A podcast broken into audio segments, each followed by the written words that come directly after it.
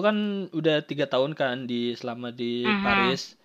Nah, Aku eh, ngomong di tiga tahun itu eh, lu di Paris tuh selama Ramadan balik nggak kagak ke Indo? Pernah dua kali nggak balik. Dua kali nggak balik. Jadi dua kali lebaran gue pernah di sini. Berarti otomatis puasa di Pen- Paris dong. Iya, puasa sih selalu di sini sih. Yang pengalaman gue kayak rata-rata juga ca- apa kayak apa ya sedihnya di sini pas puasa pas lagi summer. Karena Lu eh apa sahur dari Mm-mm. jam 3 pagi, terus buka puasanya jam 9 malam. dari jam 3 pagi 9 malam. Berapa jam tuh? Berapa jam coba tuh? Hitung. 10 berapa jam sih? 12 jam ya? Ya hampir 13-an, 12 13-an. Iya kan, 13 jam. Terus Isyaknya itu jam 10-an, tarawihnya itu jam 11-an. Berarti sih terus waktunya cepet banget dong untuk yang malam ya. Iya, tapi jatuhnya kayak gue pernah awal-awal kan namanya masih di awal-awal di sini yang puasa, awal-awal emang rajin tuh ke musola karena bareng-bareng kan anak-anak tuh ke musola Iya. tarawih. Lama-lama kita juga nggak bisa dong selalu ke sana gitu loh. Apalagi gue sekarang di Paris kan yang jauh banget dari dari apa? Dari masjid gitu loh. Heeh. Dan jarang dan nggak semua orang yang bisa diajak gitu.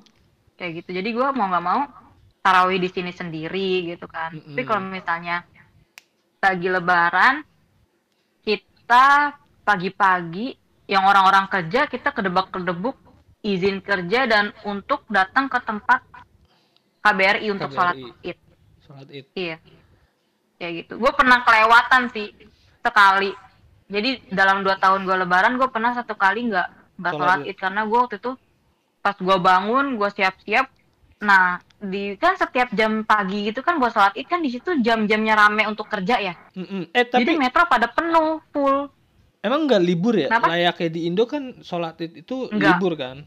Dan di nggak sana ada tanggal merah buat id nggak ada. parah ya nggak ada nggak ada tanggal merah untuk sholat idul fitri nggak ada itu kayak bener-bener untung-untungan aja tuh kalau lu libur ya bersyukur kalau lu nggak Mm-mm. libur ya lu nggak ikut gitu loh makanya rata-rata orang Islam di sini banyak yang nggak sholat id gitu tapi ya alhamdulillahnya pas gue tiap sholat id bos gue paham gitu loh Oh, dan izin. ngeliburin gue gitu heeh. pas dua Mm-mm. kali itu akhirnya gue so gue berangkat ke BRI juga tapi kan rame ya Iya, gue nggak bisa sih. naik metro karena gue nggak bisa masuk kayak sama halnya lu KRL lu penuh lu nggak bisa masuk. Kalau misalnya lu masuk juga lu bisa desak-desakan dan yang Mm-mm. ada batal juga wudhu lu lagi gitu kan. Iya. dan akhirnya gue pernah nyampe-nyampe sana udah kultum. Sedihnya di situ sih. Tapi gue kayak gue Bismillah untuk tahun ini gue nggak mau kelewatan lagi. Mm-mm. gue gue benar-benar kayak ya Allah kan ini setahun sekali ya. Kayak gitu loh. Iya, bener sih. iya. Nah, buat kan puasa di sana tuh eh biasanya kan sore kan kalau di Indo tuh apa ya eh, seringnya buburit dan segala macam. Beda nggak sih sama Mhm. di Paris gitu dengan kondisi yang di sana yang pastinya beda kan dari segi cuaca pun beda dan makanan. ngabuburit Mm-mm.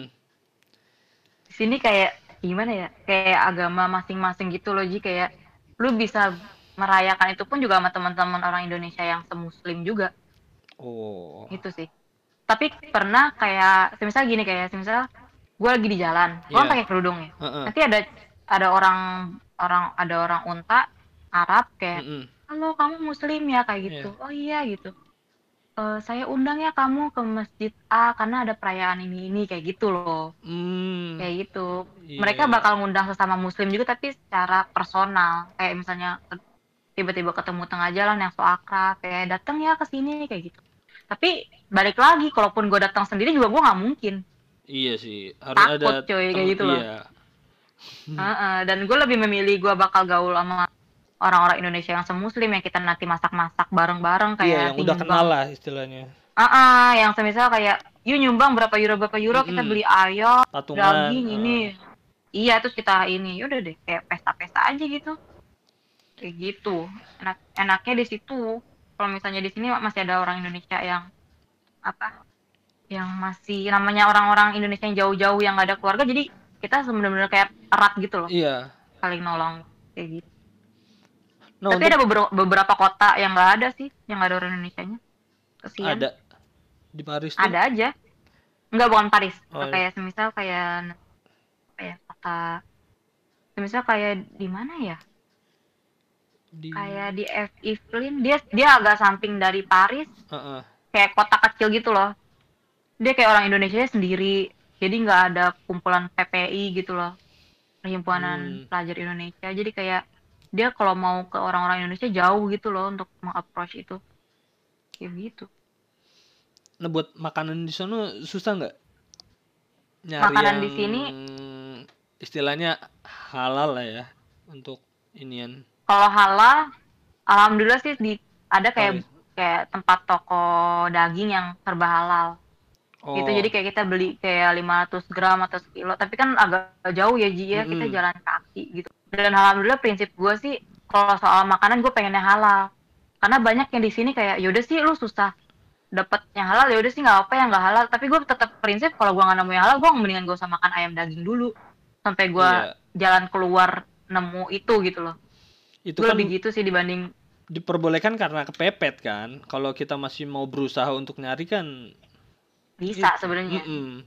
Iya, tapi ya gitu kan orang kadang udah buru-buru namanya nggak ada waktu banyak, akhirnya dia beli ke sana aja yang nggak halal dan akhirnya beli makan.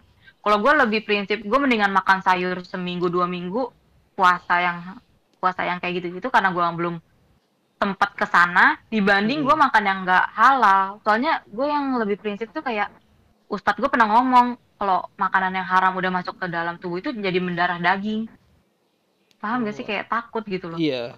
Ngerinya ntar malah Kayak gitu. keterusan. Cuy. Lanjut karena udah apa keenakan di awal ya. Mm-mm. Gitu. Dari yang haram juga kan bisa berpacu ke perilaku kita. Mm-mm. Kayak gitu, dia bakal adalah efeknya pasti yang kita nggak tahu pasti. Kayak gitu. Iya sih bener. Sono. Lebih usaha sih yang. Dan ada toko-toko Asia juga kan. Emang mahal sih, Ji lebih mahal yang apa? Makanan-makanan Indonesia di sini lebih mahal. Cuman ya gitu namanya kita sesekali aja kan makanan yang Indonesia yang benar-benar khas kayak kangkung, Iya. kayak tempe itu sesekali lah kita beli kayak untuk kepuasan tangan kita ke Indonesia gitu loh. Tapi kalau misalnya lagi nggak ada ya mungkin sayur-sayur yang sewajarnya gitu. Tapi tetap kayak berbau-bau Indonesia tetap bisa sih. Mm. Kayak bikin gulai. Untung gue udah bisa kan bikin gulai, bikin soto gitu-gitu udah bisa. Tapi Tep- kalau untuk bikin tempe orek, tempe goreng Ah, ah. itu susah banget nyari tempenya. Susah nyari tempenya. Heeh. Mahal juga karena cepet habis juga kan di suatu tempat itu. Terus sama nasi Kayak kan gitu. juga agak susah kan ya di sana. Nasi di sini alhamdulillah banyak sih. Oh banyak. Karena orang-orang Arab juga makan nasi. Makan nasi juga sih. Oh, Iya. yang setahu gue rata-rata tuh sandwich or something gitu. Iya, tapi orang-orang Prancis emang rata-rata makannya itu sih, cuma orang-orang kayak kita, kita yang nasi. Atau enggak orang-orang Prancis yang udah terkontaminasi Asia. Kayak begitu. Ini gue baru kemarin aja, itu Ji, kan gue kemarin bikin sup, supan Mm-mm. itu ala-ala Indo. Mm-mm. Dan di, yang tetangga gue ini orang keluarga Prancis. Iya. Dia tuh suka Lu- ngasih gue makanan gitu. Mm-mm. Terus gue makanya gue balikan dong, kayak gue masak, gue share ke dia. ke sebelah. terus jadi makan bareng terus gue kan bawa nasi sama Iya. sup gue dan gue ngasih dia sup aja kan karena gue mengira dia nggak makan nasi gitu Mm-mm. Terus dia malah gini Amel boleh gak aku minta nasi kamu sedikit gitu Kayak Serius? gitu, aku kangen gitu? nasi aku pengen oh Pengen ya boleh boleh gitu ya udah gue kasih nasi rupanya mereka suka juga nanti mereka juga nyiapin makanan masakan dia gitu. Mbak tadi juga aku masak ini salad gitu, bikin salad kayak gitu. Tapi gue sekarang so far jadi suka sayur karena di sini gitu. Dulu gue mana ada suka terong, gue kagak suka terong kan awalnya. Eh semenjak di sini masak terong enak rupanya. Gitu. Iya sih, kadang banyak juga apa makanan-makanan yang dulu ya emang apa waktu kita santren gitu banyak yang nggak suka ketika di luar tuh ya mau Enak. mau, heeh. Karena tergantung yang masaknya. Kalau di pondok gimana masakannya anjir? Ya gue tahu Aduh. yang namanya tahu Heeh. kuning. iya rasanya papanya tuh cuma asem doang anjir itu gue kayak itu aja udah bersyukur makanya gue sekarang tapi gue kayak gue sekarang lagi pengen iya. merubah level hidup gue sih Ji gue kayak Oh. susah banget ngele- eh, berubah level hidup gue yang maksudnya orang-orang tuh ya yang hidup sama gue ini gue ngerasa gue bersalah sih kan gue Maksudnya? tipe-tipe yang udah terbiasa ya kita makan yang seadanya kan oh iya heeh. iya Karena- tapi teman-teman yang sekitar gue tuh tipe-tipe orang yang makan enak hmm, Jadi gue kayak ngerasa bersalah gitu di saat dia harus men- mengikuti selera makan gue yang sederhana heeh. dan gue harus mengikuti dia makanan yang serba mewah gitu loh. Gitu Ji kayak mm, apa ya? Me aduh bahasa Indonesia gimana sih Ji? Kayak Eh, apa ya? adaptasi. Adaptasi mengikuti. Heeh. ya mungkin kalau misalnya lu ngikutin apa mereka pun lu kagak kaget soalnya lu pernah sampai di titik itu kan? Ibarat kata dari iya, cuma bawah maksudnya dari bawah ke atas gitu. Nah ketika yang ditakutin Ah. tuh yang dari atas ke bawahnya. Apakah shock? Enggak justru gue tipe-tipe orang yang simple Ji orang yang malas gitu loh. Kayak misal di kulkas ini misal ada A B C gitu loh. Ah, ah. gue makan aja yang ada di situ yang gue pengen habisin itu. Tapi teman gue tuh kayak ih pengen oh eh, A, B, C, burger D, E, gitu. G Ah. H I J K L M N dia pengen beli juga. Kayak ngapain sih gitu kan? Ya, dan akhirnya dia beli sendiri gitu loh paham gak sih? Dan gue jadinya nggak enak kalau misalnya dia beli pakai uang dia sendiri gitu loh. Tapi dia makan di rumah. Pasti kan ujungnya kita bakal iya mau nggak oh yaudah mau. yuk beli bareng Ayo, gitu ayo. loh. Sedangkan gue sendiri tipe-tipenya nggak suka mubazir ji. Iya gitu sih. loh. Lebih saking mungkin kebiasaan diajarinnya gitu kan. Kayak Mm-mm. makan yang ada di kulkas dulu daripada ba- basi gitu kan. Kayak gitu.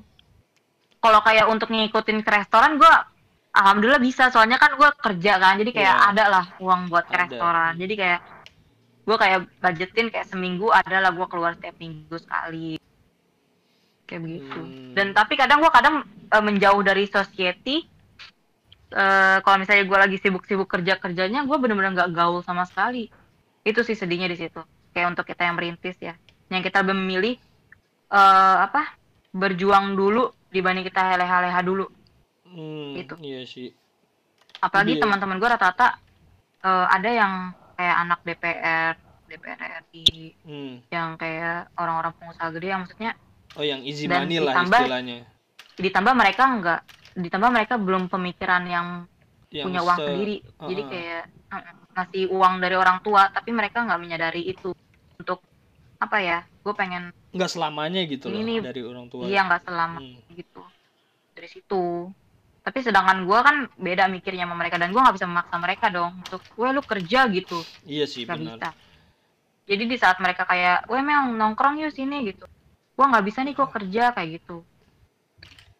Kayak gitu. Hmm. banyak banget gue kayak miss miss untuk ketemuan sama teman-teman kayak gitu. Tapi kan soalnya gue itu kerja. buat kebaikan lu juga kan? Iya. Kayak gitu. tapi sedih. Makanya kan gue kayak gue memaafkan diri gue sendiri. Nggak apa-apa lu nggak bergaul sekarang toh nanti kalau lu sukses lu gampang untuk bergaul